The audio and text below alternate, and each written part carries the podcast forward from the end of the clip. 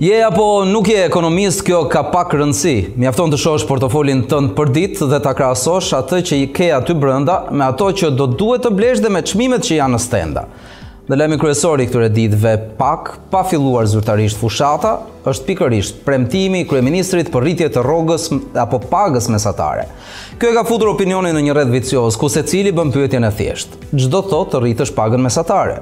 Po nëse rritet paga minimale çfarë efekti ka kjo tek unë? Po paga mesatare a më ndikon mua drejtpërdrejt dhe si? Por jo vetëm ky lajm, por ajo që do të rëndisë në ditët në vijim është deklarata e fortë e Macronit se Evropa duhet të shkëputet nga ndikimi amerikan se boll më u bë vasale asaj fuqie. Dhe kjo do të bëhet duke u shkëputur nga dollari. Edhe këtu ka prapë pyetje të thjeshta. Ç'do të thotë nëse Evropa shkëputet nga dollari dhe nga ndikimi amerikan dhe afrohet më shumë me Kinën, duke krijuar një pol të tretë me Francën në krye? Çfarë ndikimi mund të ketë për ekonomitë e ndara evropiane, si për shembull vendet e vogla si yni dhe në tërësi për vetë Bashkimin Evropian kjo lëvizje gjeopolitike? Të gjitha këto pikëpyetje i diskutojmë në minutat në vijim, teksa mirëpres Dritan Shanon, ekspert ekonomie. Mirë se ju gjeta. Shano, dua të ndalemi fillimisht te problemet tona të brendshme. Qeveria gjithnjë e ka nevojën për të mbushur buxhetin apo xhepat e vet. Okay. Por lëvizja e fundit e pagës minimale, mos ndoshta do mërzisë më shumë seç duhet biznesin? Patjetër që po. Sepse diskutimet për rritjen e pagës minimale e vendosin kryeministrin në një pozicion prej kryesindikalisti në një kohë që nuk është detyrë fare e tij të merret me këtë punë. Ë unë mendoj që ekonomia shqiptare është ekonomia më pak produktive në rajon e në Europë dhe për këtë arsye nuk ka asgjë të habitshme, çuditshme, jo natyrale që të ketë edhe pagat më të ulta në rajon edhe në Europë, sepse pagën e vendos ekonomia, nuk e vendos qeveria.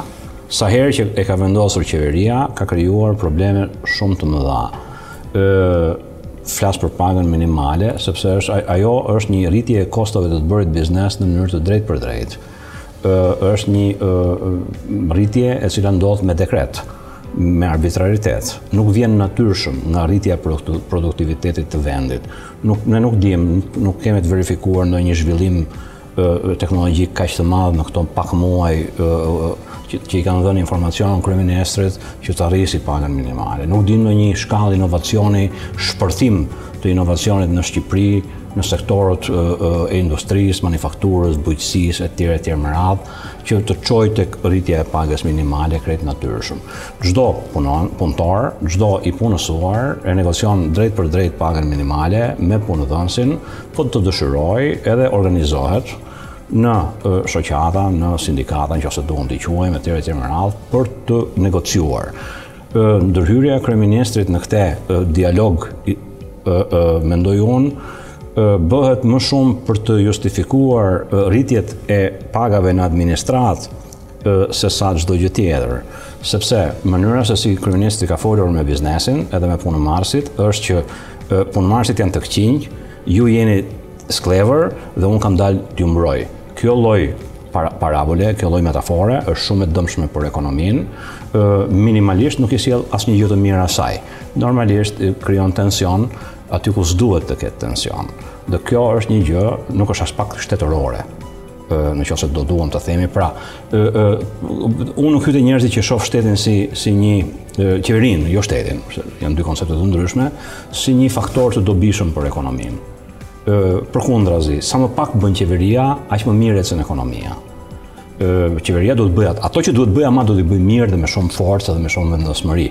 Pra, ruajtjen e konkurrencës së lirë, standardet në treg etj etj me radhë. Kështu që paga minimale për mendimin tim është një taksë mbi biznesin, është një taksë e cila e bën Shqipërinë më pak atraktive në për investimet e huaja, të për cilat neve kemi kaq shumë nevojë, krijon tensione të panevojshme në në në tregun e punës, një treg i cili duhet të gjejë veten, duhet të gjejë aftësitë ë ë për t'u punësuar. Pra, ë si me thënë trajtimi i tregut të punës, nuk po them që qeveria nuk po e bën këtë gjë, po e bën sepse jam i vetëdijshëm dhe në dijeni të përpjekjeve, po ndërhyrjet në tregun e punës duhet të jenë nga nga krahu i edukimit, i arsimit, i trajnimit ë dhe asaj që njihet si trajnimi gjatë gjithë jetës. Këto duhet të ishin punë e qeverisë, dhe këto në qoftë se kanë sukses, këto të çojnë automatikisht vetë tek rritja e pagës minimale në mënyrë të natyrshme dhe ekonomike, jo me dekret dhe me arbitraritet. Sipas Instatit, ata që paguhen me pagë minimale në vendin tonë, si në referuar statistikave të vitit të kaluar, janë jo pak, po një e pesta e atyre që punojnë, më shumë ndoshta flasim për 21%. Në këtë kuadër, nëse referohemi pagave të tanishme, dihet që shteti pagën mesatare e ka më të lartë se sa privati, shumë më të lartë, çka do e rrisë akoma edhe më. Patjetër. Çfarë do të thotë kjo për evazionin fiskal? për vjedhjen e punëtorëve, se këtu do rritet edhe pakënaqësia, duke ne e dim fare mirë se çfarë ndodh me rritjen e pagave, do e dorëzojmë mbrapsht. Rion, atëherë, ë Unë nuk mund t'i them këto gjëra sepse unë jam i parimit që pa u, u, u provuar që je fajtor, ë ë je i pafajshëm. Okej, okay? por në tërë botën, në, në shumë e shumë vite është vërejtur një tendencë drejt informalitetit sa herë ka ndërhyrje me dekret të cilat unë e thashë pak më para, krijojnë tension në marrëdhëniet ekonomike, në marrëdhëniet në kostot e të bërit biznes, krijon tension artificial, të panevojshëm. Dhe natyrisht kjo çon drejt formalitetit. Neve jemi një vend me 2.8 milion banorë. 30 e kusur përqind e të punësuarve punojnë në administratë. Është një shifër shumë e lartë. Bon, po të marrim Holandën për shembull. Ka vende po që kanë mjaft të lartë, po kjo ka të bëjë me psikologjinë. Po unë nuk dua të shoh ato vende. Dua të shoh vende të tjera. Holanda për shembull ka e ka me 5% të të të punësuarve administratën dhe atje rrogat janë pak më të larta se sa në sektorin privat si mesatare, por jo shumë më të larta. Në rastin tonë, neve kemi një administratë e cila edhe fryhet, është më e mirëpaguara nga të gjithë, pra ku i gjen paratë administrata, i merr nga këta të varfrit që punojnë, nga nga ekonomia. Ë, është më e mirëpaguara, më e pajisura mirë etj etj me radhë. Po, zhvillimi ekonomik, rritja ekonomike në këtë vend vjen nga administrata apo nga tregu privat? Çfarë roli ka administrata në rritjen ekonomike? Çfarë roli ka administrata në zhvillimin ekonomik të vendit? Ka një rol parazitar. Dhe lind pyetja, për çfarë duhet t'i paguaj unë këta njerëz kaq shumë para? Nga djersa ime, ha? Sepse vjet parvjet ne pamë një tendencë ulëse të raportit midis pagave në administratë dhe pagave në privat. Me këtë iniciativë që ka ndërmarrë kryeministri për të rritur pagat, i, i, i drejtohet pagës mesatare, që nuk do të thotë asgjë. Dakord? Ë kjo kjo kjo kjo distancë midis administratës dhe tregut privat do rritet edhe më. Kush është sinjali që jep qeveria? Punësohuni në administratë. Lëreni tregun privat se është i pavlefshëm. Bëhuni ushtar dhe krijoni një, si me thënë, bindje nga ku ju vjen e mira. Nuk ju vjen e mira nga ekonomia, nga konkurrenca, nga inovacioni, nga zhvillimi, nga rritja e produktivitetit. Ju vjen po qe se punësoheni në administratë. Ky është mesazhi krejt i qartë. Edhe një idiot e kupton këtë gjë.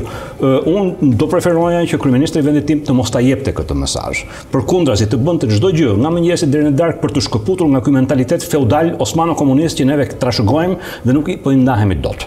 Është, është kaq e thjeshtë. Shembuj ka sa të duash. Dhe ne kemi avantazhin, një avantazh të pashfrytëzuar, përkundrazi, të hedhur tej me, me vetëdije nga të gjithë politikanët, të atij që vjen pas. Ne vimë pas. Ne kemi teknologjinë më të përparuar ndoshta nëpër duar dhe nuk dimë ta përdorim. Ë, jemi si një majmun, të, i cili ka një iPhone 12 në dorë. Ë, dakord, pse vjen kjo gjë? Sepse nuk ka një udhëheqësi. Dëgjova, ë, do rrisim fshatin. Fshati nuk rritet me 7 me, me 7500 e një zotni. E ka lënë atje 32 vjet. Fshati rritet me pronë private. Dhe rritën vetë ata, nuk e rrit qeveria. E tjera, e tjera. Por, ajo që ti dëgjon nga politika, nga qeveria, nga ata njerëz që janë zotët e sistemit tonë, ë, ë, këtu, të kryetarve të përhershëm, është, është identike. Unë të rrit rrogën, unë të zhvilloj fshatin. Nuk zhvillohet ky vend në këtë formë. Ne duhet të ndahemi njëherë e mirë nga kjo, kjo lloj mendësie. Megjithëse përmende fshatin, dua të lëmë pas qeverinë, biznesin, kthehemi tek ai, buxhetori, sikurse e nisëm këtë bisedë. Mm. Flasim dakord. Për një pagë minimale, 40000 lekë të vjetra, që në dorë ajo do jetë më pak. Dhe po çfarë do thotë kjo për për buxhetin familjar? Çfarë do thotë kjo për një muaj jetesë? Atëherë, ë më lër të them që neve jemi në, hyjmë te vendet e pazhvilluara nga kjo pikëpamje sepse rreth 48% të çdo të ardhure që që që futet në familjet shqiptare shkon për t'u ushqyer. Shkon për t'u ushqyer për të siguruar mbijetesën për nesër. Nuk shkon as për veshje, as për rekreacion, as për libra, për t'u ushqyer. Kjo rëndohet fort tek pensionistët. Pra, ë ë domethënë këto rritje të, janë teorike. ë nuk janë të vërteta. Dakord? ë duhet parë domethënë se si të ndryshojmë këto raporte. Pra, si ë, ë, ushqimi që ne hamë ë, të mos jetë kaq i shtrenjtë.